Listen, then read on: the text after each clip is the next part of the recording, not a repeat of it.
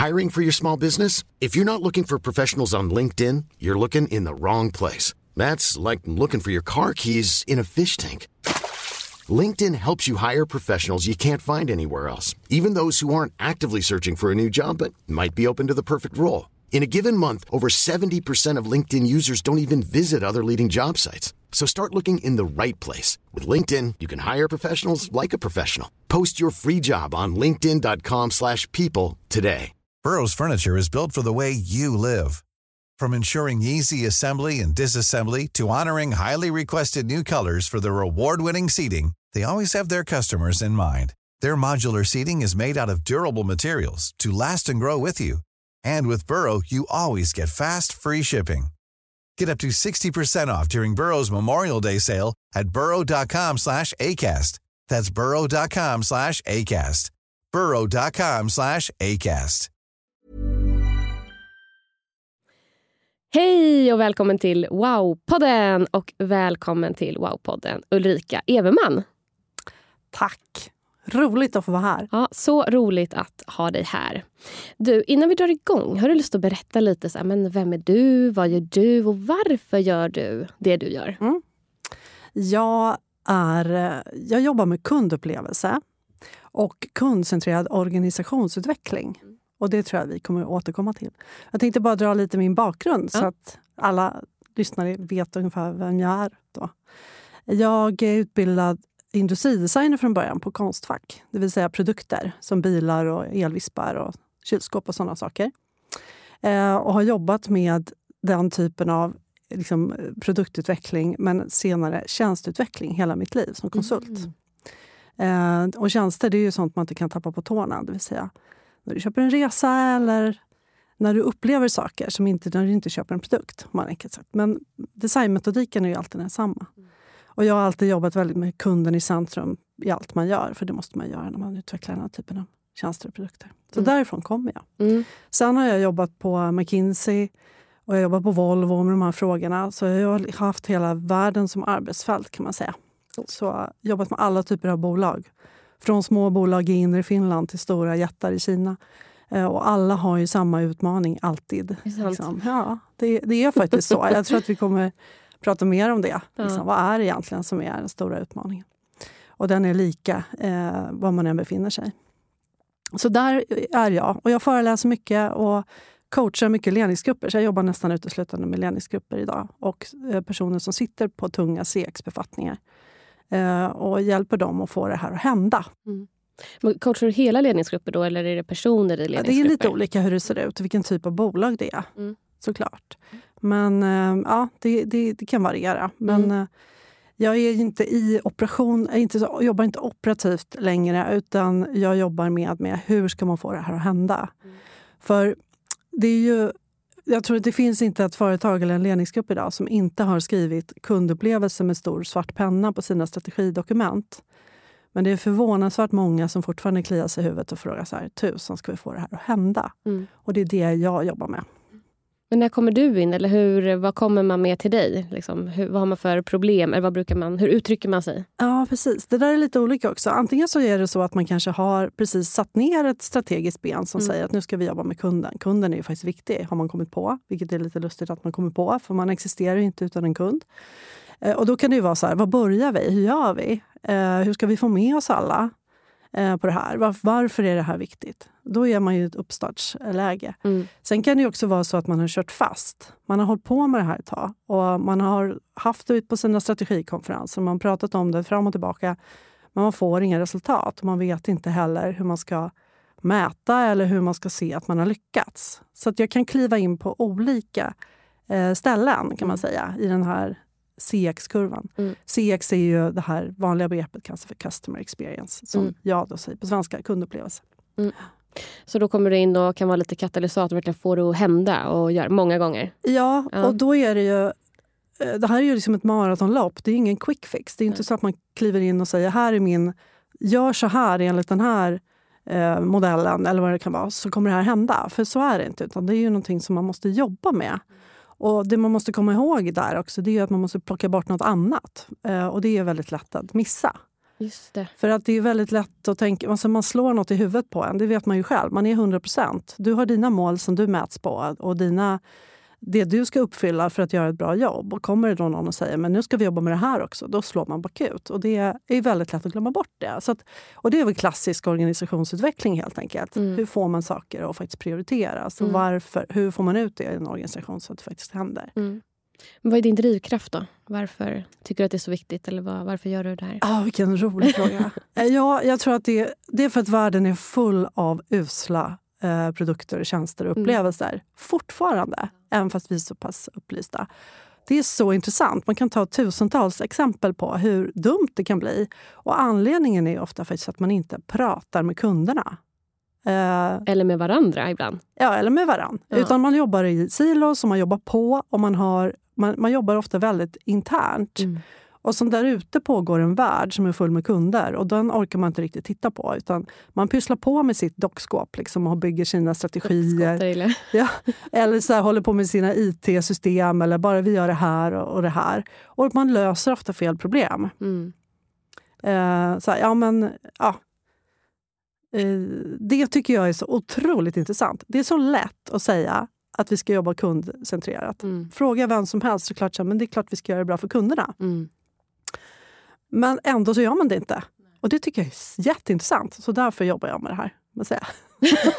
För jag kan också uppleva att så här, man när jag kommer ut och, och pratar med ledare och så, så brukar jag dra lite olika exempel. För ett av mina, så här, eh, jag jobbar mycket med kundserviceorganisationer mm. och får dem att prestera bra och må bra och att medarbetarna ska vilja gå till jobbet och ha engagemang och motivation så att det blir en bra... Man vill ha oftast ha nöjda kunder, man behöver ju börja i organisationen. Så. Och då kan jag uppleva många gånger att eh, intresse, alltså man är inte så uppmärksam på eh, kundupplevelse eller kundservice-situationer överlag. Så en av mina dolda mina dolda mål, dolda agendor när jag är där, det är att här, få upp intresset för de här kundupplevelserna som man också stöter på och kan lära sig av. Mm. att många gånger man springer på och så här, men nu händer det här och det här och det här för den här kunden. Aha. Eh, men man ser liksom inte helheten utan bara så nu löser vi det nu. Exakt. Att verkligen ja. gå tillbaka. Vad var det som hände och varför? Hur hade jag upplevt det? Mm. Eh, den, eh, den tycker jag är spännande och mm. är oftast där jag behöver börja många mm. gånger. Och det är väldigt lätt att så, zooma in på någonting och så, så löser man det. För äntligen har man, så, kan man kroka fast i ett ja. problem. Mm. Och man vill ju också som människa vara en problemlösare och liksom vara hjälpsam och behjälplig. Och sen så börjar man lösa det problemet jättebra, fast mm. egentligen löser man helt fel problem. Och det är ju så när man, när man liksom jobbar på en strategisk nivå, mm. att man måste upp man måste upp hela tiden, på en, liksom upp på helikopternivån och titta på helheten. För det är det som kunderna ser. Mm. Du tittar ju inte på ett företag och tänker så här, gud vilken bra kundservice de har. Utan du tittar på ett företag, vad löser det här pro- företaget för problem? Och den resan är ju väldigt mycket längre. Mm. Um, vi kanske kommer komma in mer på det sen när vi pratar ja. om vad är en kundupplevelse egentligen. Ja. För att uh, jag håller med dig, man, man, man, det är väldigt lätt att zooma in i någonting och sen så börjar man lösa fel problem. Ja, och jag tror det var så bra när du sa det nu för att det är nog en av de sakerna som händer när jag påpekar och breddar inte bara den här kundinteraktionen som du hade nu, utan helheten. Att man går upp i helikopter. Jag tror att det kanske blir ett mindset de tar med sig vidare. Mm. Att det kanske är det som är liksom en av nycklarna. Fast mitt dolda mål är att få dem mer intresserade. Exakt. För att de ska tycka att det är kul och vilja utveckla mera mm. och jobba mer med det. Liksom. Mm. Eh, men vi kommer in lite på det eh, också. Vad gör, vad gör att du är intresserad av det här ämnet? Då kan det säkert gå in i ditt varför kan jag tänka mig. Att det finns så mycket som inte är bra där ute. Ja. Exakt. Ja. Mm. Och eh, om vi går in på kundupplevelsen då. Hur skulle du definiera kundupplevelsen och vad innefattar den? Ja, precis. Jag brukar prata om eh, kundupplevelsen som att det är den samlade interaktionen med mm, liksom den samlade upplevelsen av alla interaktioner en kund har med, sitt för, med det företaget som man jobbar med. Mitt företag, då säger vi. Och den, är ju, den löper över tid och den börjar ju långt innan man egentligen blir kund. Um, och eh, den gäller alla typer av branscher. B2B, offentlig sektor, B2C, alltså olika storlekar på ett företag. Men det är en lång kedja av händelser som kunden går igenom. Och man brukar prata om interaktionspunkter eller touchpoints. Det finns ju vissa touchpoints. Det kanske, man kanske har en butik, då är det en touchpoint. Eller en webb, eller en app, eller en kundservice eller vad det nu kan vara. De ska ju vara där såklart, men i det där så finns ju också vad upplever kunden i de här olika delarna? Och vad tänker kunden? Och då brukar man ju eh, jobba med kundresekartläggning. Alltså en kundens resa börjar någonstans och slutar någonstans. Och i det där finns företaget. Um, så det är en kundupplevelse. Det är den samlade upplevelsen av samtliga interaktioner. Och det som är så intressant i det här det är att man blir alltid bedömd eller ett företag blir alltid bedömt på den svagaste länken. För Det spelar ingen roll hur fantastisk app du har eller hur fantastisk kundservice du har om själva grundtjänsten inte funkar. Och Det där har man svårt. Och det, tänk, det, är liksom, det där orkar man inte riktigt ta i. För det som händer när man ska jobba så, det är att man måste jobba tvärfunktionellt och, och samarbeta. Och vi vet alla att silos är väldigt bekvämt och man jobbar gärna med sitt. Och sen så gör man liksom små förändringar och inkrementella saker för att få det att funka, just det som jag gör. Men att sätta sig i kundens perspektiv och titta på okay, det här företaget eh, de är jättebra på vissa delar, men det skiter jag i. Mm. Förlåt, nu svor jag ja. i din podd.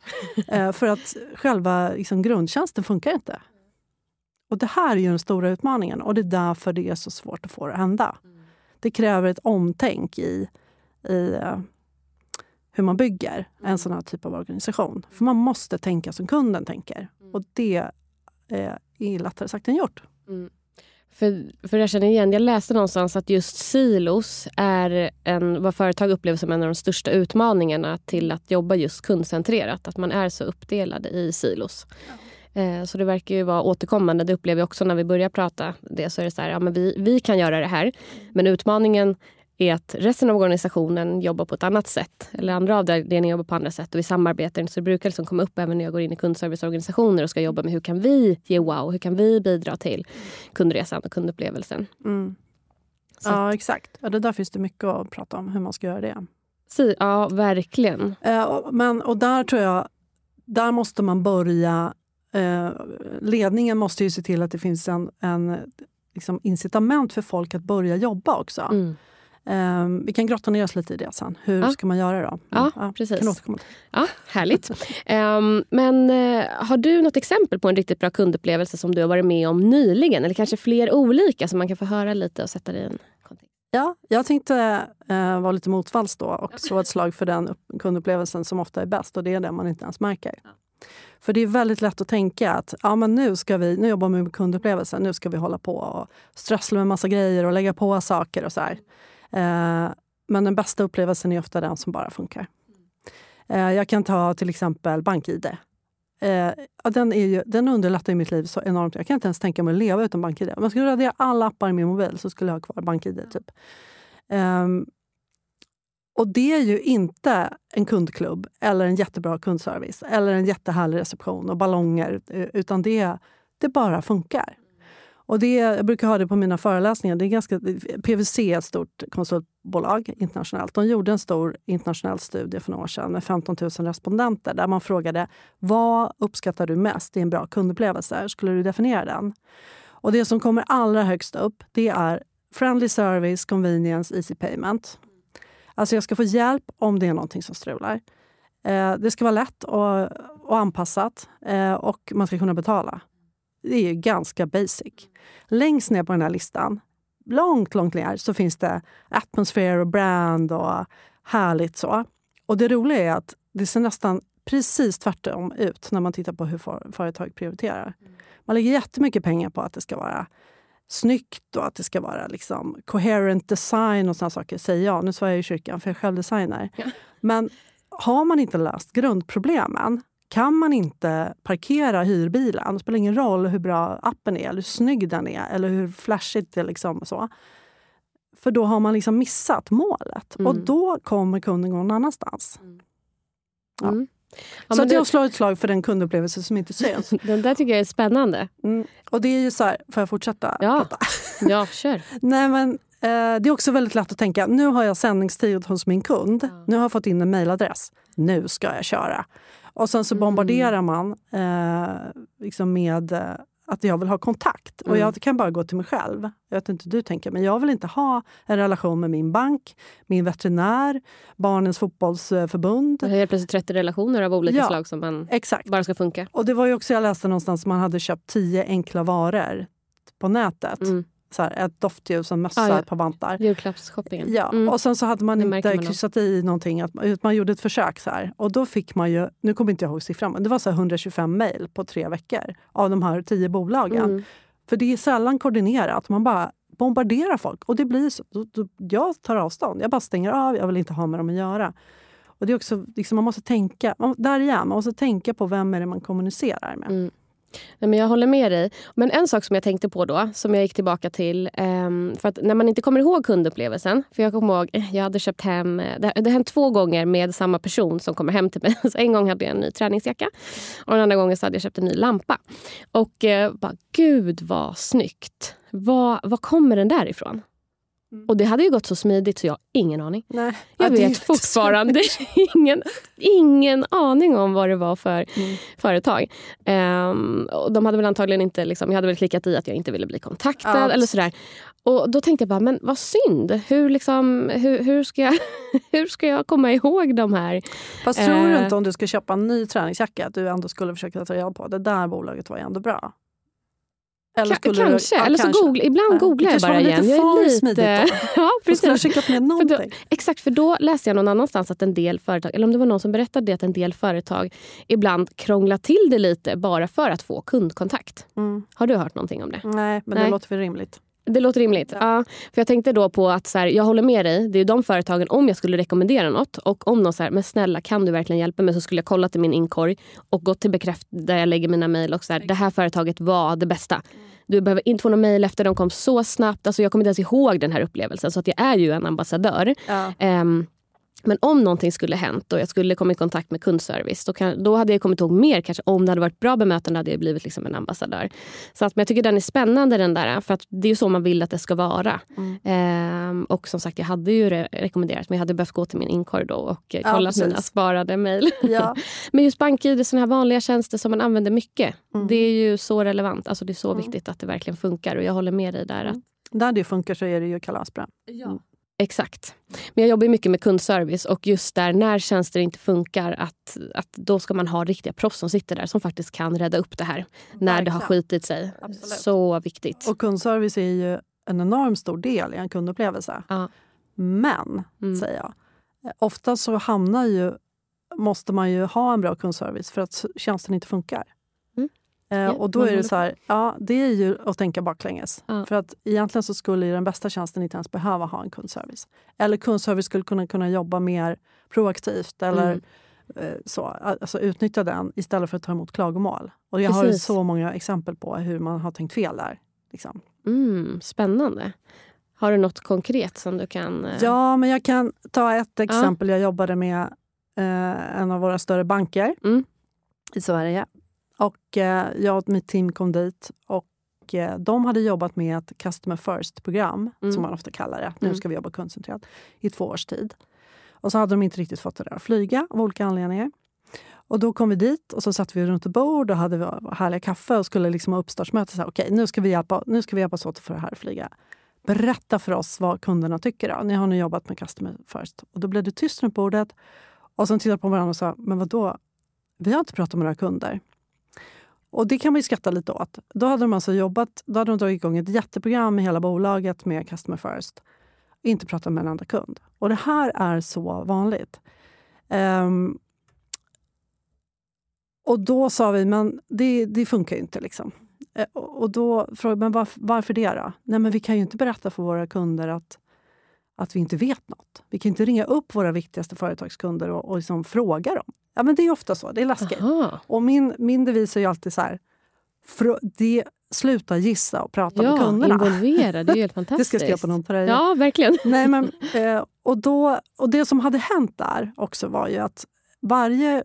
Vi identifierade ganska snart ett problem att varje gång de gjorde ett utskick till banken så var de tvungna att och, eh, staffa upp kundservice. Och de tyckte, när vi sa det, men, Ja, det. och då sa vi, men, men hörni, det väl kanske inte bra. Men vadå, vi har ju löst det. Vi har ju löst problemet, säger de. För vi ringer in moster och faster och alla som har gått i pension och alla vi känner som kan jobba extra. Så de sitter redo när vi gör våra utskick. Och det kan man också fnissa lite grann åt. Därför att i, då sa vi att det är inte bättre då att ni löser problemet så slipper ni ha den här kostnaden i kundservice. Och ni slipper ha alla, för när kunder väl kontaktar ett företag då är man ofta fly förbannad eller redo att lämna. Det är ett typiskt exempel på hur man tänker baklänges. Man löser problem fast man löser fel problem. Eh, och de gör säkert ett fantastiskt jobb, eh, de som satt där. Mm. Men kunderna var ju på väg att lämna. Det som hände var, för att backa lite, jag gjorde då, jag fick äran att ringa upp deras största, eller deras större företagskunder och, och intervjua henne. Och då sa hon att, att om inte jag hade vetat att de skulle ta hand om mina åsikter och liksom lös, var på väg att intressera sig för att lösa problemet så hade vi bytt. Det här var ju en miljonaffär. Och det säger inte jag för att det är klädsamt för att jag sitter här nu mitt mot dig. Utan det var faktiskt så. Så I det här fallet så var ju den investeringen mycket väl värd. För att då fick man ju också en, en relation. Och det blir ofta så. Börjar man prata med folk, inte gömma sig bakom massa service och massa kunddata utan faktiskt prata med folk så händer det ofta väldigt, eh, då händer det något. Ja. Och jag känner igen, jag såg någon studie, nu var det här några år sedan och jag kan tänka mig att den kanske är på en annan siffra nu om jag är något liknande. Men det var något företag som gjorde en studie på just att om vi, 55% av oss är benägna att byta företag, leverantör, om man inte tar tillvara på att lyssna på ens feedback. Och, eh, så jag känner verkligen igen det. Och när man börjar lyssna, vi har gjort olika projekt också där vi har ringt upp de kunderna som har varit mest missnöjda som har gett liksom ett år, vi hade ett projekt en begränsad tid på en kundservice. Eh, då ringde vi upp alla ett och frågade liksom, vad är det som har hänt. Mm. Och de efter det var ju så här, men nu vill jag ge en femma. För nu har ni sett mig, ni har lyssnat. Eh, och sen att följa upp det. Vet du, nu har vi gjort den här ändringen. Mm. När, när jag själv har gett feedback till ett företag, det som har gjort att det blev wow, det var inte att de hörde av sig och sa att de hade lyssnat. Nu har vi lyssnat, tack för att du hörde av dig. Du får eh, det här som kompensation. Det var när de återkopplade någon månad senare och sa att vi har tagit upp det på koncernnivå. Mm. Och se till att på, göra på det här sättet tills vi har löst det. Mm. Att de löste rotorsaken och pussl, liksom, pusslade inte bara på mig. utan Och det tycker jag, så här, det är verkligen, där sticker man ut idag. Eh, och då känner jag mig sedd. Och då vet jag att så här, även om jag skulle boka det här hotellet som det handlade om då. Mm nästa gång och lura med mig någon annan. Jag hade sålt in det till min sambo det blev kaos. Liksom. Eh, så skulle jag liksom gå till dem igen för jag vet att de löser det mm. när det väl gäller. Men en annan sak jag tänkte på som du också var inne på var, jag vill bara återkomma till det, vad du tänker om det. Det här med att när man har jag jobbar ju mycket med liksom kommunikationen, verkligen så ner på ord och betoningsnivå mm. för hur upplevelsen blir.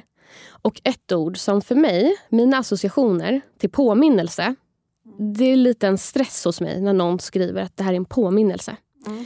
Och så många gånger som jag får påminnelser, så att nu har påminnelse blivit ett mer neutralt ord. Ja. Jag, liksom, min, ja, jag har vant mig. För att varje gång, och just vid julklappsshopping, man kanske köper någonting där, man köper någonting där. Och så får man mejl efteråt. Nu är det en till påminnelse. En påminnelse om att ge ett omdöme. Påminnelse om att ge ett omdöme. Och jag kommer knappt ihåg något för att det var ju så bra eh, kundupplevelser. Och jag har ingen relation så det blir så, jag har inte tid att svara på alla. Men de här påminnelserna... Ja, det blir ingen bra känsla för mig. Nej. Och det är ju väldigt lätt också. Och man, ja, det är ju bara som du säger, man kan gå till sig själv. Jag orkar inte hålla på att svara på alla de här automatiserade eh, Vad händer med dem? Nej, exakt. För var, varför ska jag lägga tid på det? Mm. Eh, och det är också eh, det är en enorm resurs som kundservice, eh, de som jobbar, proffsen i kundservice, sitter på med all denna kundkännedom. Och det är ju bra. Ditt exempel är att de faktiskt tar, tar tillvara på det. Men många, förvånansvärt många stora bolag som jag jobbar med har ingen koppling till kundservicekännedomen som finns där och kundinsikterna. För de, när jag säger men det, de är en jätteviktig källa för insikter, då blir det ofta så här, jaha, men oj, där sitter ni med massa data. Det är inte bara tickets eller det är inte bara någonting som händer där, utan det är faktiskt så här, 35 procent av alla som ringer ringer bara på grund av den här grejen. Och det bara kastas ut i, med badvattnet. Det är sorgligt tycker jag. Ja, jag slår ett slag för ta vara på den superproffsen. Ja. ja. Och det, jag kommer oftast in den vägen mm. och vill påverka och liksom jobba kundcentrerat, kundfokuserat och få mm. ut det liksom till fler. Även fast ledningsgruppen kanske inte är helt med ännu. Men nu kör vi. Och då har vi på olika sätt jobbat med just kundinsikter. Mm. Och så här, ibland har vi börjat med pinna på papper. Vad hör kunderna av sig om? Mm. Eh, vad, vi har jobbat i Excel, vi har byggt egna system eller tagit in externa system. Mm. Men så här, verkligen börja göra. Nu, vi har sett då, nu har vi så här många samtal. Vi har räknat ut också vad ett samtal, ett ärende kostar. Mycket pengar. Alltså, det Mycket kan vara pengar. upp till 80 kronor för ett samtal. Det, är, det blir mycket i längden. Speciellt stora bolag. Det finns mycket att spara. Eh, och lägga resurserna på annat istället. Så att, eh, då har vi jobbat mer med kundinsikterna. Vi har då kunnat bygga business case också. Att så här, det här, den här ändringen behöver vi göra i den här delen av organisationen. Här behöver vi jobba med utskicken. För att ett utskick, som du också var inne på, genererar så här mycket ofta. Hur kan vi samarbeta? Eh, så att vi får mindre samtal. Och då har vi kommit med vår kompetens. Ja, men skriv så här istället. Ha det här först. För vi vet att det är det här kunderna frågar om. Lägg till de här. Så då har det blivit liksom ett annat typ av samarbete. Och vi har kunnat minska samtal. Och medarbetarna indirekt känner vad kul att jag får vara med och påverka. Att vi så här, minskar samtal, för högre kundnöjdhet. Att jag med ett samtal ger feedback indirekt till företaget. Och att någon faktiskt tittar på det och Ja, lyssnar på det.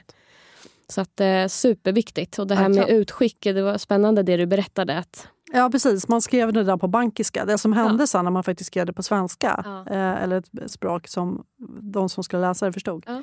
det var ju att man kunde... Ja, nu kommer inte jag ihåg exakta siffran, men det var mellan det var över 20 procents eh, lägre beläggningsgrad som man behövde hålla på med i kundservice. Och det sparar ju också väldigt mycket pengar, resurser man kan lägga på annat. Exakt. Och vara mer proaktiv som du också var inne på. Det tycker jag också är intressant att ett företag som jag jobbar med nu som inte heller... Och jag tycker det är en cool ambition att, vara, att ha så här, vi vill inte ha någon kundservice egentligen. Nej. Men då behöver man tänka på hur känner medarbetarna? Är de trygga i det? Mm. Att jag kanske blir av med min roll. Liksom. Så hur man kommunicerar kring det märker jag också är Exakt. jätteviktigt. att det kanske finns, Om vi vill ha in fler kunder så kommer vi fortfarande behöva medarbetare som tränar våra AI-bottar. Vi kommer behöva er för att vara proaktiva, bygga relation, utveckla så att man är, liksom, skapar en trygghet i alla fall hos medarbetare. Men beror inte det lite på vilken grund man har till det där? För är det att det ska AI-genereras eller är det för att man vill ha bort alla frågor från kunderna? Precis. Ja. Det- Så det är säkert lite olika. Ja, absolut. Och det brukar vara en kombination tycker jag. Att man vill att allt ska gå så smidigt så att man inte behövs. Eh, och att man vill kunna vara mer, mer proaktiv också eh, med kunder. Och det tycker jag är coolt. Att proaktiv kundservice det blir ju mer och mer eh, på tapeten. Så, så det är kul. Um, Okej, vad är en bra kundupplevelse då? Ja, den går ju inte att säga. Nej. Eh, För det är helt anpassat, eh, helt anpassat efter vem den vänder sig till. Eh, Så det är ju, jag bara glider undan den. För att det är ju så här, du måste förstå vem du pratar med på andra sidan och vem du har att göra med. Och sen är det ju så här, ja, eh, har, om vi har 10 000 kunder, har vi då, ska vi skapa 10 000 kundupplevelser? Nej, naturligtvis inte.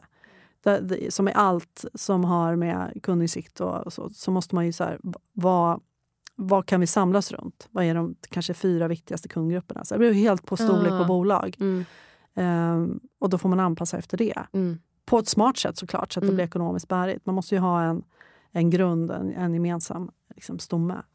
Men eh, att anpassa det så mycket som möjligt på ett, så ett sätt som blir smart. mm.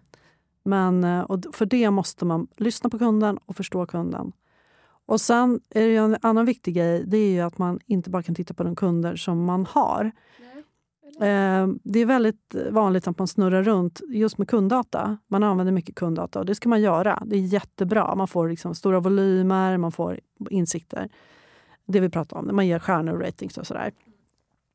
Men de kunder man inte har, det är ofta där den största affären ligger. Och det kan man aldrig nå genom kunddata. För kunddata bara pratar om de kunder du har. Och här måste man ju då jobba med helt andra researchmetoder som är liksom mer explorativa. Och man, man pratar med de kundgrupper som man inte har. Eller de som är tonåringar idag, som om fem år faktiskt är 20-åringar. Ehm, Just det. de ska kliva ut och ta sitt första bostadslån. eller vad det. Vad, vad har de för förväntningar? Mm. Och börjar man då räkna baklänges fem år är ingenting. Eh, Du måste vara på alerten nu för att vara relevant om fem år. Och när man säger det till en ledningsgrupp så får ju alla panik i blicken. För "Va, vi har ju så mycket att göra med våra... Ja, fast det förändras. Eh, Man kan sitta med sina personas, vad man har uppklistrat på, på väggen. Men de där förändras också med tid. För de som är så här medelålders, nu raljerar jag lite med personas. Mm. Ja. Eh, de är en helt annan om fem år.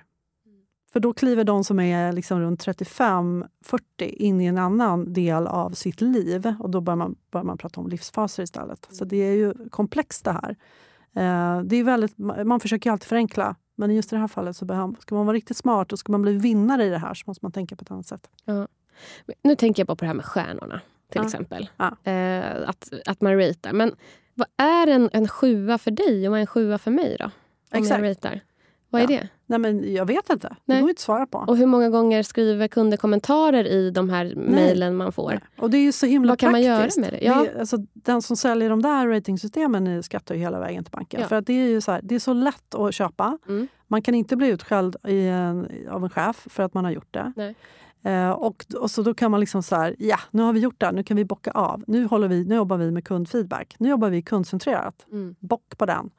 Men det, det ger ju egentligen ingenting. Det är klart att man kan få vissa frisvar.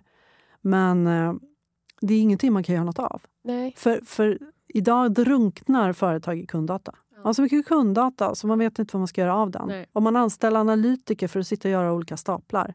Fast man agerar inte på det. Nej. Många som mäter saker. Man får en siffra, någon, nöjd kundindex i slutet av året. Så tittar man på den på en powerpoint och sen lägger man bort den. Och sen pysslar man på i sitt dockskåp utan att förstå. Okej, vi kanske behöver... För det är, den, det är den största utmaningen som alla bolag sitter med. Det är att man inte kopplar kundupplevelse till affär. Och då, då kan man hålla på med sina stjärnor hur mycket, som helst, hur mycket man vill, för man Mm. kommer aldrig komma någon vart. Nej. Nej. Jag hakar upp mig på det där med stjärnorna. Jag har fått många såna mejl på senaste. Påminnelser då om någonting som Ja, jag precis. ska Du göra. måste. Ja, måste verkligen. Jag får ont i liksom, Någonting händer i mig varje gång. Men när någon skriver så här, hjälp oss bli bättre. Ja, men då kan jag faktiskt tänka ibland så här, men de här har jag en relation till. Här kan jag faktiskt hjälpa till. Att hjälpa dem bli bättre. För här har jag något att säga. Men där har jag också en tanke. Nu, nu fastnar jag i det här, men jag blir så nördig. Eh, där jag har en djupare relation så har jag liksom, är jag mer ambitiös att ge feedback. Men också när jag ger ganska mycket och konstruktiv feedback så är det som att jag får en förväntan om att faktiskt få en återkoppling. Jag brukar ibland skriva ni får gärna ringa mig så berättar jag mer.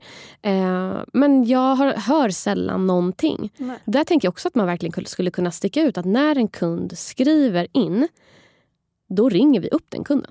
För att de har faktiskt skrivit att de, de har mer att säga. Och här är vi intresserade, vi vill bygga Den här kunden har vi haft sen... Alltså, ja, jag blev kund där sedan jag var 18 till exempel hos det här företaget. Och det är snart 20 år. Eh, och hade, innan dess hade min mamma försäkring där. Så att jag, jag vet inte, där känner jag också så här, hmm, är de så intresserade? Och jag har verkligen konstruktiv feedback. Ja. Nej, men jag tror att det är svårt också. För att Man måste ju ha en organisation som kan ta hand om feedback. Ja. Man kan ju inte gå...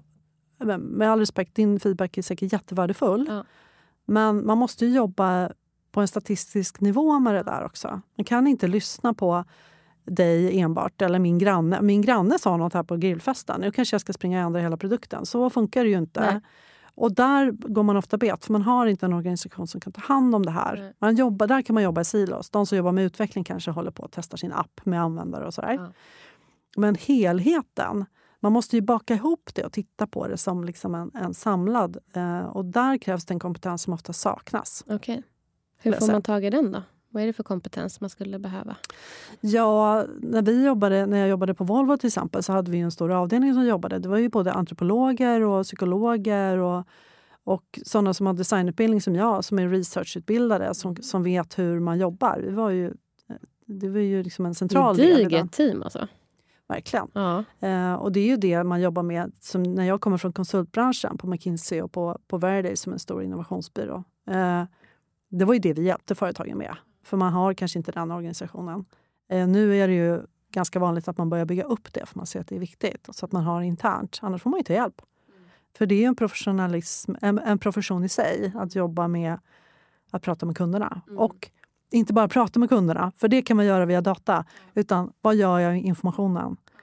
Hur, om jag tittar på den här datamängden, vad är det som är viktigt? Vad är det egentligen som är eh, pain points? Och det skulle jag vilja prata mer om, pain points sen. Snyggt. Bra. Ehm, är en bra kundupplevelse lika med en lönsam kundupplevelse? Ja, jättebra fråga. Eh, ja, när du väljer med plånboken. Därför att jag kan ju så välja, även om det kan vara bökigt att byta försäkringsbolag, så kan jag ju faktiskt så här, jag kan lägga mina pengar och mina grejer någon annanstans. Eh, så då har jag ju makten som kund att göra det. Eh, och då är ju en bra kundupplevelse alltid lönsam. Det är väldigt vanligt att man tänker att Åh, nu ska vi jobba med kundupplevelser, det kommer kosta massa pengar.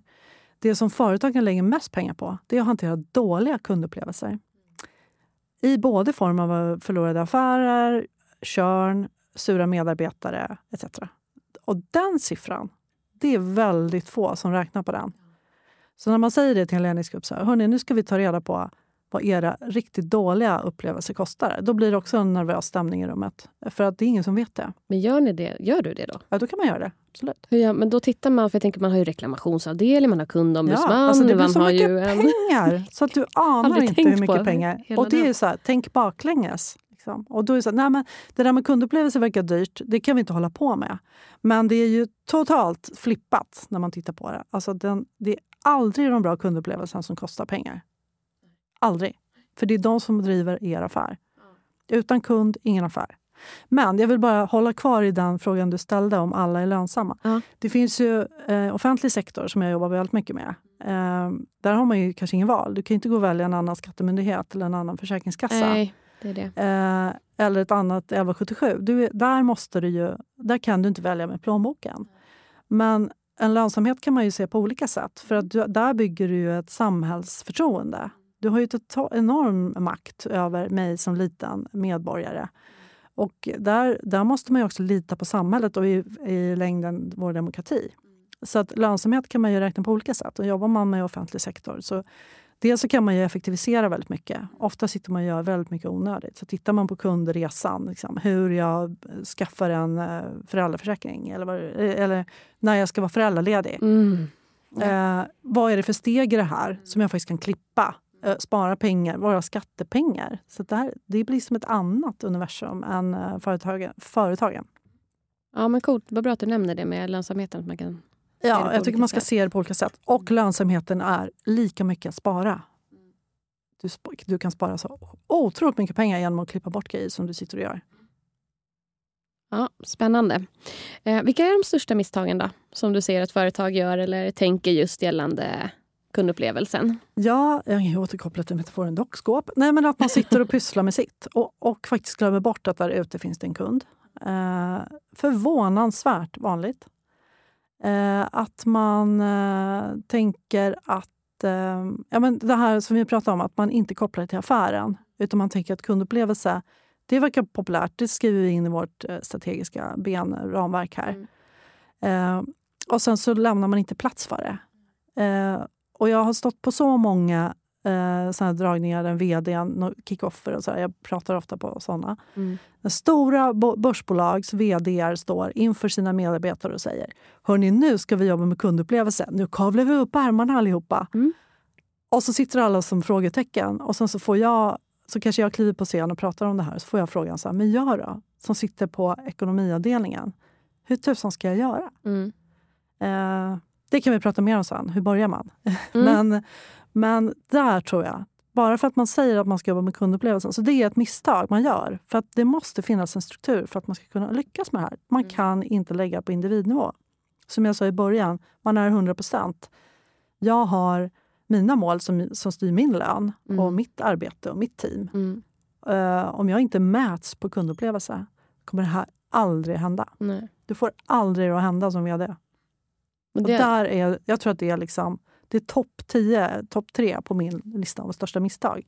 Att man tror att bara för att jag säger det här så kommer det hända. mm. Det handlar inte om illvilja hos eh, teamen utan det handlar om att man saknar varför ska jag göra det här? ja. Varför? Och Ja. kanske hur börjar jag? Ja, Vad är det? bara- Vad varför det? ska, varför ska, jag har inte tid att göra det för jag Nej. styrs på effektivitet. Jag styrs inte på kundnöjdhet. Nej. Och det kan jag tänka mig just på ekonomi och andra avdelningar. Att så här, tacksamt inom kundservice är att många gånger, inte alltid, så mäter man kundnöjdhet. Ja. Så att man kan tydligt se när vi ändrar någonting, just det i medarbetarna, det de kan påverka. Att de eh, påverkar kundnöjdheten. Så, Mm. eh, så det, det är tacksamt. Men all, oftast, eller, må, eller många gånger, så gör man inte det heller. Nej.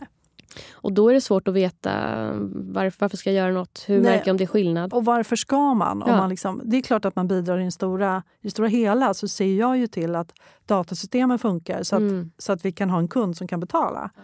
Men det ska ju inte läggas ner på individnivå. Eller man släpper det. Man släpper det i organisationen. Mm. Plocka upp det om ni kan, men det här, är liksom, det här ska vi uppnå. Och sen så, Mm. får, så finns det ingen som är ansvarig. Nej.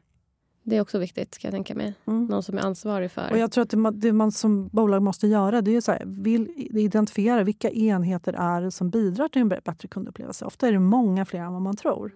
Då måste ju de också ha verktyg att kunna jobba med det. Och få förståelse för hela resan internt Ja. Mm. också. Just de här silosarna. Så här, men hur hänger allting ihop och hur viktigt är det att vi har den här röda tråden Ja, eh, i det? exakt. För jag vet när, när jag var inne på, um, det började min, eller började min resa, det var inte, men på mobiloperatören 3 för länge sedan så, ehm, så jobbade vi då med kundservice på företagssidan. Mm. Och eh, så här, även fast hela bolaget inte liksom var med, det var inte att någon hade kommit och sagt nu är det kundfokus som gäller, utan var så här, bara, men om vi vill bli wow nu så behöver vi steppa upp. Hur, hur gör vi det? Ja, men Mm. Ännu mer fokus på kunden, kundmötet. För vi, kan inte, vi, vi kunde inte påverka hela kundresan. Vi kunde inte påverka, vi fick inte köpa in nya saker. Utan det var så att vi har bara kundmötet. Alltså bara när med, eller inte så bara heller, eh, när medarbetare möter kunden. Hur kan vi liksom göra skillnad där? Men då vet jag att just för att vi skulle förstå att det är kunden vi är här för så hade vi till exempel en, en tom stol på mötena där Mm. som var kundens stol. Eh, vi eh, satte upp kundkommentarer istället för att ha liksom, statistik. 78 är kundnöjdhet. Så här, hur motiverande är det? Men vi satte upp kundkommentarer, vykort vi fick, tårtor, allt upp på en stor liksom, bildmonitor. Så att så här, det här är vad vi gör för våra kunder. Det är det här det liksom leder till. Vi hade kundcitat på toaletten, alltså allt möjligt. Bara för att så här, kunden, kunden, kunden. Ehm, men också gick tillbaka, du var inne på det här med varför. Att det, varför att det är så viktigt. Och då om vi skulle få medarbetarna, eller om man ska få medarbetarna på kundservice att göra, jag återkommer till kundservice för att det är där, där jag är, podden handlar om service också. Ja. Liksom. Så att jag stannar lite där. Eh, men just att få varje medarbetare att förstå sitt varför Mm. och varför det är viktigt. Eh, även fast det bidrar till resultatet på sista raden och att det är viktigt för liksom ledningen och så. Men mitt varför, vad kan jag få ut av, Mm, av det här? mm. Har vi också sett är liksom superviktigt. Mm, eh, för att Mm. skapa ett kundfokus. Och inom, inom kundservice tycker jag ändå att det är ganska inte lätt, men när jag ställer frågan i början sen när jag kommer in och intervjuar, så varför jobbar du med det här? Ja, men det är första jobbet eller mellan, eh, så här, mellan plugg eller om jag kom in på ett bananskal. Så där. Och det kanske inte är jättepeppigt att vakna på morgonen och ha, ha, tänka att ja, jag halkar in på ett bananskal så jag går till jobbet. Men efter ett tag när man liksom jobbar med de här frågorna så förstår man sin roll och hur Mm. viktig roll man har. Och att då brukar det komma andra svar. För vi brukar samla in liksom ett material efter vi har gjort ett projekt och eh, verkligen sammanställa den här organisationens varför och alla medarbetares varför för att ha i onboardingen när nya kommer så att vi snabbt ska få upp dem på banan och hitta sitt varför istället för att vänta några år eller vad det kan vara. Eh, och då brukar det vara så här, ja, men jag lär mig att kommunicera eller jag utvecklar min sociala kompetens, jag är med och hjälper till, jag bidrar till att vi får in fler kunder. Liksom. Och, och någonstans verkligen så här, gå ner till att så här, vi är ju här för kunderna, för vem betalar vår lön? Och när jag ställer den frågan ibland så är det så här, men företagets namn brukar de säga. Nej, det är Nej, kunden. precis. Det är kunden. Ja. Så att det, var, det var något exempel jag hörde någonstans. Så var det att företaget hade skrivit eh, något annat på lönespecifikationen och inte företagsnamnet. Jag kommer inte ihåg exakt, det var någon Nej, som okej. nämnde det. Men det, för det, var lite, det var lite coolt. Mm. Men eh, just så här, kundservice, hur man kan, eh, man kan jobba med det liksom i sin organisation bara för att ja, börja någonstans. Liksom. Men vi ska prata mer om hur man kan börja. Men jag vet inte hur du ser på det, men eh, jag ville bara dela ändå en erfarenhet. Ja, absolut. Det. Och det ska ju alla, alla ska ju ha det. Och igen, vi kan ju upp, liksom, ta vara på den kunskapen som kundservice sitter med Mm. ofta. Den kompetensen blir ofta inte utnyttjad på bästa sätt. Nej. Och de sitter på så mycket och det är så mycket ja. frustration för att Ja. de sitter på så mycket men ingen lyssnar. Nej. Så när man väl börjar lyssna Exakt. då släpper den och det blir också en bättre kundupplevelse ja. på Nej, Det är kundservice. då. väldigt få företag som har ens för en logg på vad kunderna ringer in om, Mm. vilket är galet. Och det är bland det första när jag kommer in. så här, Kan jag få statistik? Har ni statistik? Vad ringer kunderna om? Vad mejlar de om? Vad är Får de valet värda? Eh, nej, Ja. det, för det finns inte. Man, har, man gör den här gissningen. Så här, ja, men vi tror, vi tänker eller vi känner att det är så här. Och eh, man kan göra det, men du, som du sa, sluta gissa.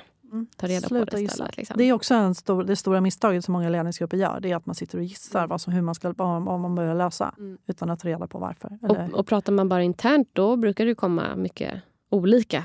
Kan jag tänka mig liksom från olika, alltså kundservice tycker att det här är jätteviktigt för det löser vårt problem. Och IT kanske tycker något annat och ekonomi tycker någonting. ja, ja. Eh, men frågar man kunden får man en annan Mm. Och då måste man kunna ha hela kedjan i huvudet. Mm.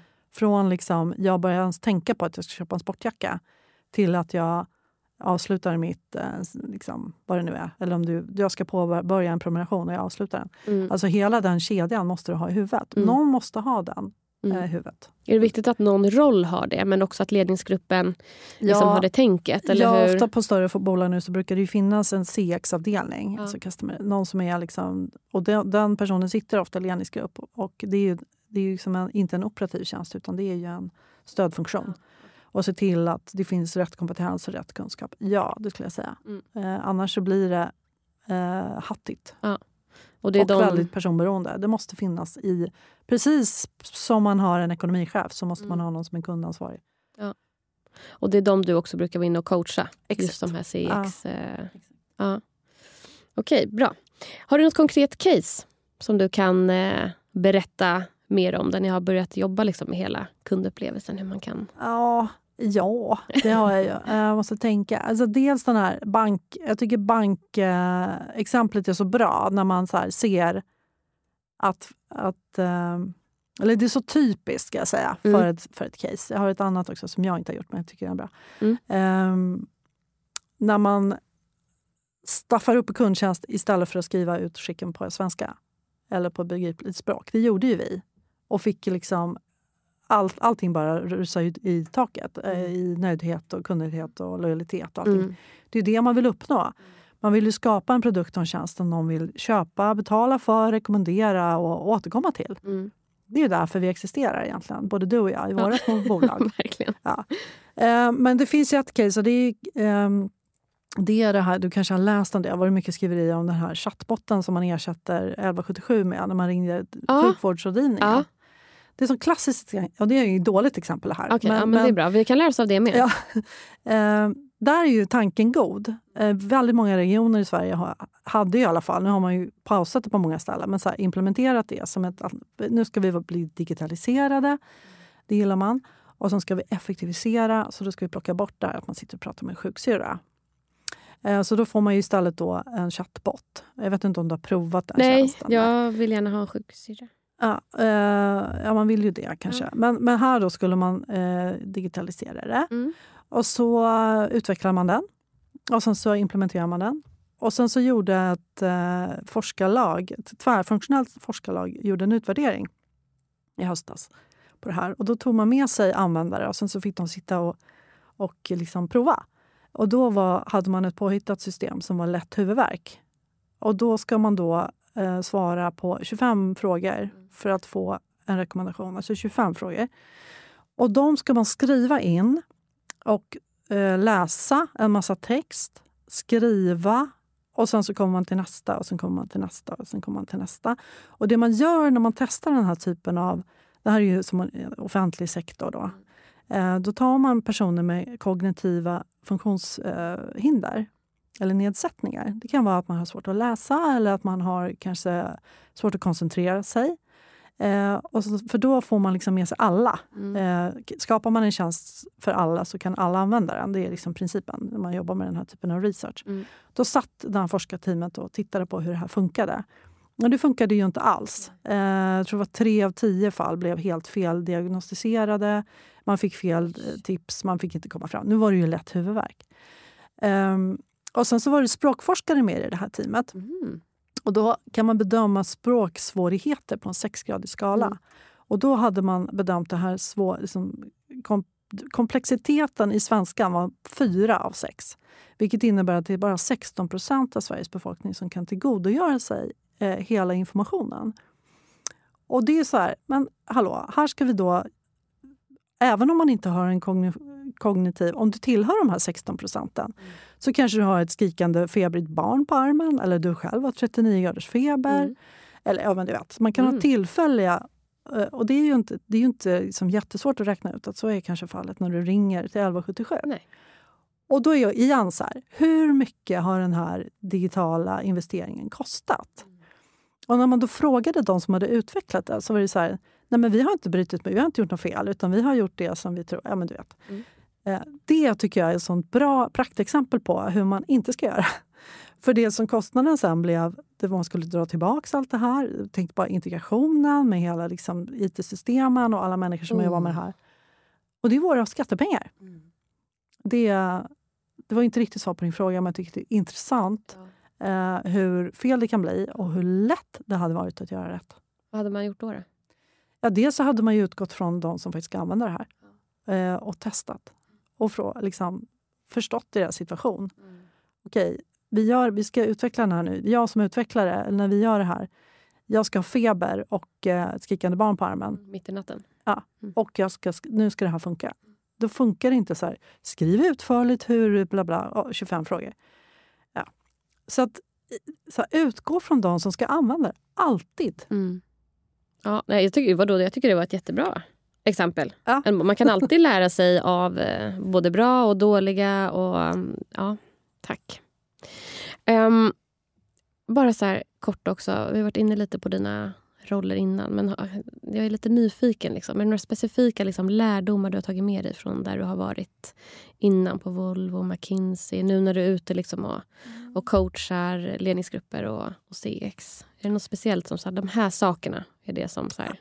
Nej, inte annat än det jag tror jag har snirklat runt. Nej. Det är så här, som konsult jag har jobbat mest i mitt liv som konsult och sen har jag jobbat på Volvo. Då var jag med och byggde upp en CX-struktur, eh, vilket jag har haft stor användning av. För då kan man ju både ha varit på insidan och utsidan. Det är väldigt lätt som konsult att stå, komma in tio veckor och flaxa runt med lite powerpoint och så går man.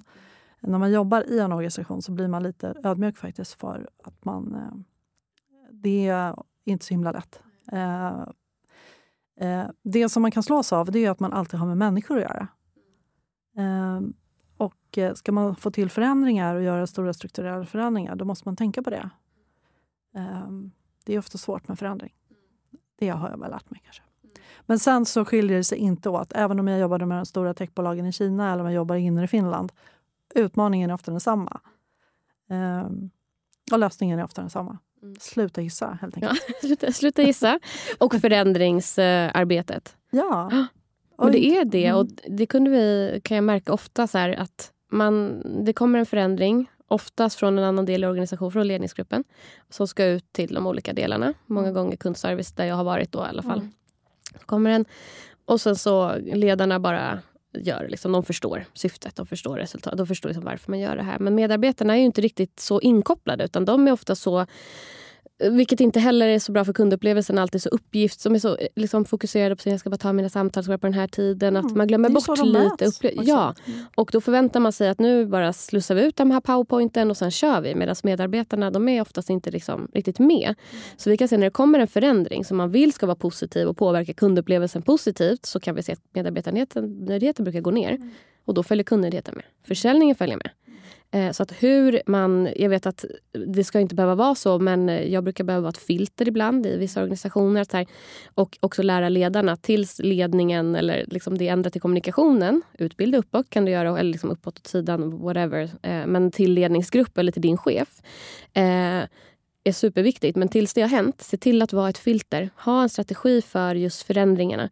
Låt medarbetarna vara med, vara involverade. Prata om varför, vilka utmaningar som kan komma. Vad är styrkan med det här? Låt dem vara med eh, i det då brukar inte medarbetarnöjdheten och det påverkas på samma sätt. har jag sett. Så förändringar alltså det är så viktigt. Och det går så fort idag. Det är så mycket förändringar och man tänker att vadå, vad spelar det här för roll? Men för de som sitter, liksom, medarbetarna kan vara jättestor skillnad i, mm, i saker. Så att, eh, jag håller med. Förändrings... Ja, man är bara 100 procent. Ja, mm. så att, eh, tack för den. Ja. eh, om man sitter där då, nu till exempel och lyssnar på det här, man är ägare för ett företag eller sitter i ledningsgruppen och känner att så här, men nu vill jag utveckla en kundupplevelse. Nu får man den här, eh, liksom, verkligen så här, nu jäklar kör jag. Man vill ha en kundupplevelse som älskas och liksom rekommenderas vidare av eh, kunderna.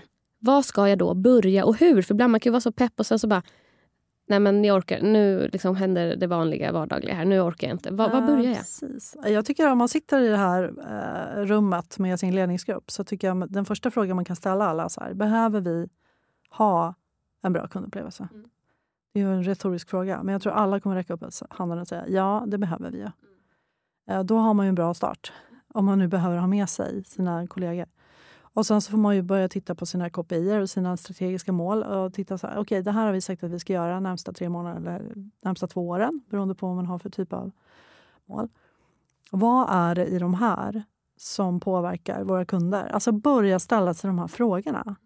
Eh, ja, det kanske inte är. Det kanske inte är någonting eh, som egentligen har en påverkan. Eh, då kanske man ska ta sig en funderare på om man faktiskt har rätt strategiska mål.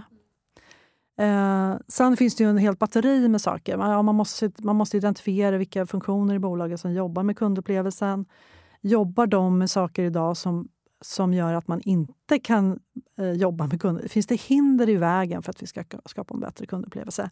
Men det första man kanske ska ställa sig efter den här första retoriska frågan är vad är en bra kundupplevelse för våra kunder? Och där tror jag väldigt många i den här ledningsgruppen inte vet det. Igen, gissa. Eh, vi kan ju inte bara säga att vi ska ha en bättre kundupplevelse om vi inte vet vad det är. Så det första man måste göra det är ju faktiskt att ta reda på vilka är våra viktigaste kunder. Eh, det kan vara kunder vi inte har. Vi behöver nå ungdomar till exempel.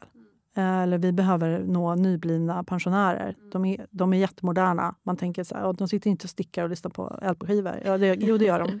ja, Just LP-skivor och stickar. Ja. Men alltså, det är lätt att ha en så bild av hur det är. Vilka är de egentligen? Eh, vad har de för behov? Så att man börjar ha en förståelse för det. För har mm. inte ledningsgruppen det, då, då kommer ingenting att hända.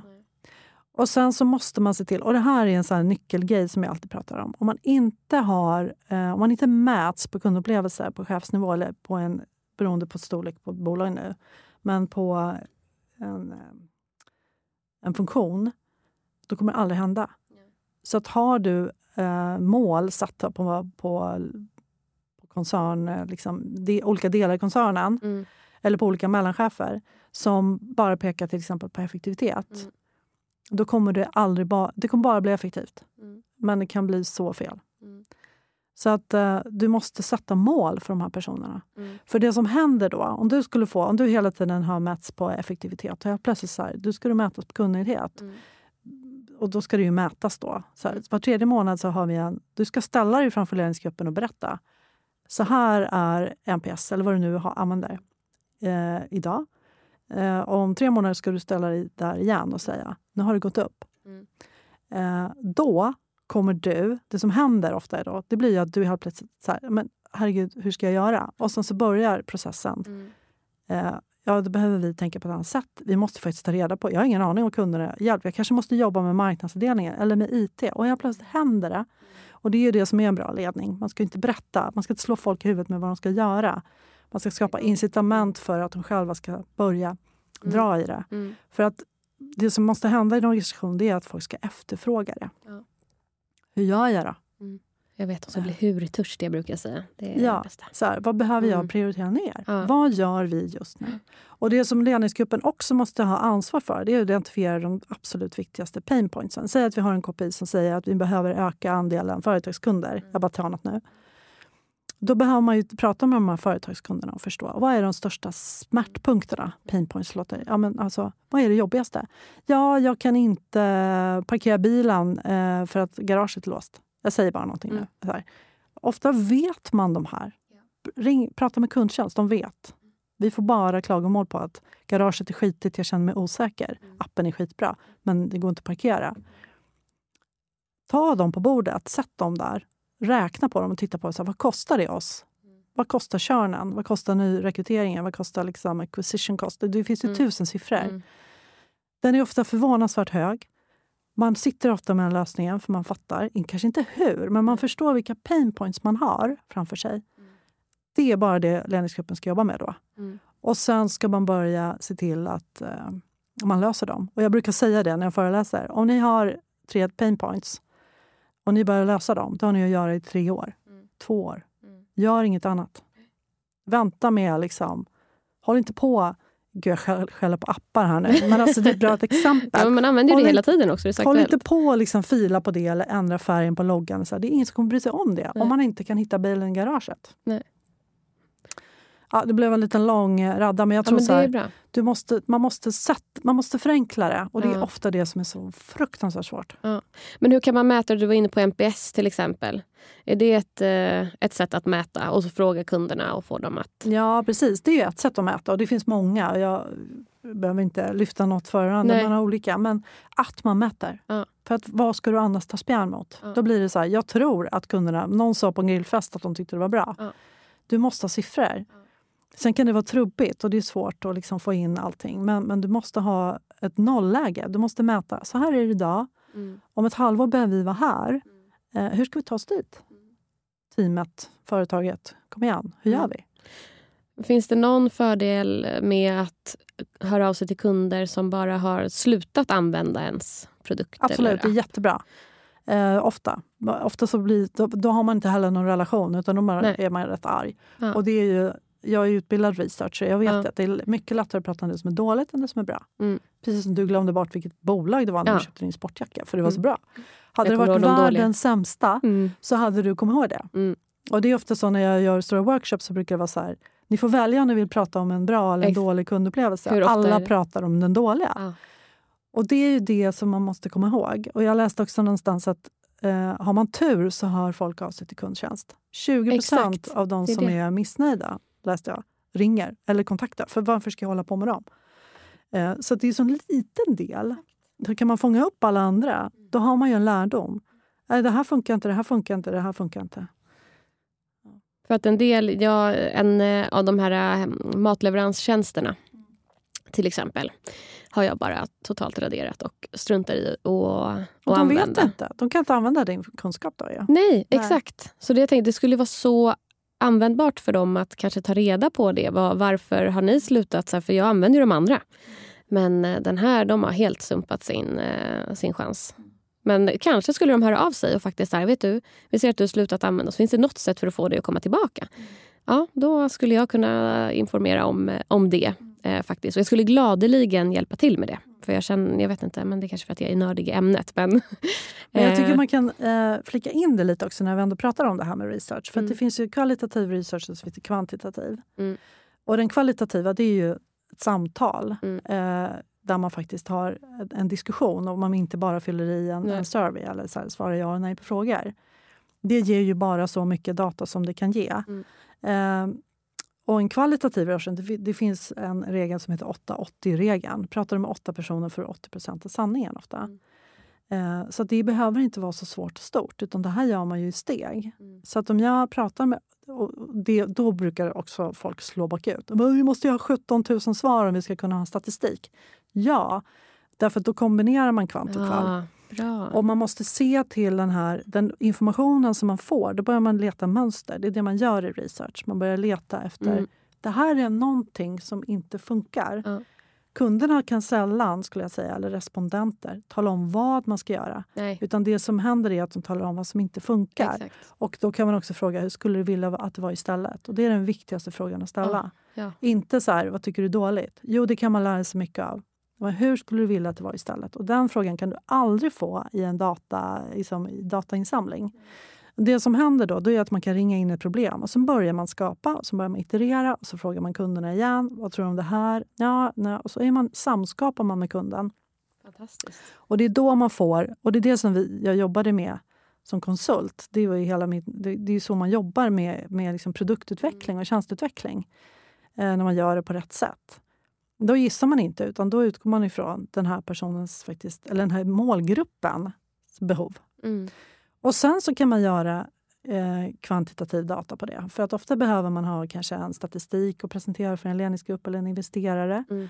Och säger att om vi gör det här så vet vi att vi nu har vi gjort en större test på 17 000 personer som vi har frågat. Alla tycker det här är bra. Mm. Då är man liksom villig. Man kan inte komma och säga, jag pratar om åtta pers. Eh, för då tycker de att man är dum i huvudet. Mm. Men jag vet att det, det kommer vara samma. Det är bara Mm. det att man behöver ha de här siffrorna. Så kvalitativt och kvantitativt är... De ska Vinnande. växelverka. Ja. Precis. Men för Mm. innovation, och när man pratar om så här, vilka problem ska vi börja lösa, då är, då är kvant, kvalitativ research alltid den största liksom, sprängkraften. Och det är någonting man ofta glömmer, för att det alltid ska vara datadrivet. Bra, tack för det. Ehm, om man sitter och har en annan roll på företaget, då, nu har vi pratat om om man är ägare eller sitter i Ja, ledningsgrupp, precis. men om man har en annan roll som kundservicechef till Ja. exempel, då, eftersom att kundservice är målgruppen för, för podden. Eh, om man då vill utveckla liksom, kundupplevelsen, om man vill dra igång det här, hur skulle du säga att man gör då? Har du något tips på hur man får med sig ledningsgruppen? Ja, och det är en så bra fråga. Och den är så vanlig. Jag får ju den så ofta. Mm. Hur tusan ska vi göra? Ja. Eh, så. Och då brukar jag säga, gör ett case. Eh, håll inte på att vänta. För det som är i ledningsgruppen, min erfarenhet, det är ju att de sitter och prioriterar saker hela dagarna. Och det är inte alltid som man har... Man måste få liksom sändningstid. Eh, det är inte bara att knacka på och tycka att nu tycker vi att det här är viktigt. Och det enda som ledningsgruppen tittar på, det är siffror. Eh, för det är det som ledningsgrupper ofta håller på med. Man prioriterar siffror. Eh, så gör då det. Prata deras språk. Eh, ni kanske är ett team på kundservice som vet bara, men ah, det, här, det är så lätt att lösa. Mät, nollmät. Så här, så här har vi idag. Eh, testa. Vi ändrar. Vi eh, gör ett case, kroka arm med någon annan i bolaget som ni tror så här, men vi kanske ska jobba med, med data. Tänk om vi kunde skriva så här istället, eller med kommunikation. Kan vi samarbeta? Och sen så kan man visa efter tre månader att samtalsmängden har gått ner eller vad det är. Det vill, det vill ledningsgruppen lyssna på. Man pengarna också? För då säger de så här, hur tusan gjorde ni? Ja. Och det är den frågan man vill ha. Just Det måste finnas ett sug. Ja. Eh, Hur, hur törstig? Förlåt mitt uttryck här. ja. Men vad bra och tack för det. Så bra tips. Så gör bara. Håll inte Gör på och vänta på att det liksom ska Nej. finnas en massa saker på plats. eller så. För att ofta vet de som jobbar nära kunderna var de största problemen ligger. Det är bara det att det är svårt att få sändningstiden och säga hörni, vi kan väl lösa det här. Ja, kanske någonstans jättelångt ner i en backlog om tre år kan vi ta hand om det här. Men finns det siffror på det? Och man, gör, man kan göra en ganska ruff eh, affärs business case på det. Mm. Vi tror att vi förlorar så här mycket. Eh, vi har så här hög körn. Mm. Eh, vi är övertygade om att om vi får liksom mer utveckling... Och då är man igång. Och helt plötsligt så kommer fler eh, frågor efter det här. Och hur gjorde ni? Och sen så är man med på någon... Ja, helt plötsligt så händer det. Tveka inte. Nej, kör. Kör bara. Och jag håller med. Och, eh, så intressant eh, att du sa det med att man här, bygger ett case. Det är också min erfarenhet. Räkna på vad kostar ett ärende och alltså, koppla ihop det till pengar och se den här ändringen gjorde vi, så här mycket minskade det. På bara det här samtalskategorin. Vi har sparat, miljoner på, på det. Eh, men det vi också la till var samtal. De fick höra hur kunderna faktiskt pratar och hur det här låter. Ehm, då finns det en del som skruvar på sig och klättrar på väggarna. Ja. När Och tycker att det är förfärligt. Förfärligt. Då är det så här, hur gör vi det här? Då kommer det här huret. Och det bara för, får jag bara lägga till det? Jag Ja. brukar, när jag jobbar med research då brukar jag ta med mig ledningsgruppen ut eh, på fältet. Ja, Då får de bra. leka att de är min assistent, Mm. även fast de är vd. Mm. Och eh, anteckna. Mm. Inte säga något, men de måste höra. De måste se och höra. Mm. Igen, man jobbar med människor. Eh, de är inte mer människor. Helt plötsligt så trillar polletten ner ofta. Men så Ja, där ja. kan vi inte ha Nej, det. Exakt, och då händer det grejer. Ja. Ja, nej, det är bra. Vi brukar också bjuda in så här, kom Ja, igen nu kör vi. medlyssning Ja, ja. alltså det är så, Det borde vara, så bra. Liksom, alla borde, det borde Ja. vara obligatoriskt. Och nya, nya ledare som ska in i företaget borde Mm. också obligatoriskt komma Jo, till På vissa är det det, vet jag, men Ja, inte jag har också hört det. Nej, men det borde vara överallt. För där hör man verkligen vad säger våra kunder. Ja. Liksom. Okej, om man ehm, tittar på CX liksom internationellt eh, Mm. versus vi också här i Sverige. Hur ser det ut? Hur skiljer det sig? Hur står vi oss? Är vi, är vi grymma här? Nej, men jag, jag skulle säga att nej, men problemen är ju som, som jag sa, typ ö, lika överallt. Däremot, jag tror, om man får vara lite mer filosofisk så tror jag att kanske vissa länder har en mer etablerad servicegrad inarbetat i sin kultur. Ja. Ehm, och där kanske vi svenskar får höra ibland att vi jag har en engelsk kompis som tycker att vi är så otroligt ofostrade. Vi håller inte upp dörrar och liksom sådär. Um, så med det sagt, ja, det finns ju kulturella skillnader. Eh, men om man tittar på hur företagen är uppbyggda så har vi i Sverige en ganska etablerad konsensuskultur och en platt organisation. Vilket gör att alla ska hålla på att tycka till, vilket också kan göra att just den här typen av förändringar kan vara eh, svårjobbade. Det är ingen som kan säga att nu ska det här ske uppifrån. Utan det är det jag säger, man måste här, sätta mål så att man själv får drag i Sverige. Å andra sidan så kan man ju också lättare att just göra ett case och kliva in i en ledningsgrupp, vilket kanske kan helt, vara helt omöjligt i andra kulturer. Så att, jag vet inte, det är inte ett svar på frågan, men jag tycker att det är intressant... Jag tror att vi har en fördel där, att vi faktiskt kan eh, om vi har rätt incitament, få till förändringar på gräsrotsnivå i bolag som vi inte kan i andra bolag. För man mäts, man är liksom livrädd att göra fel bara.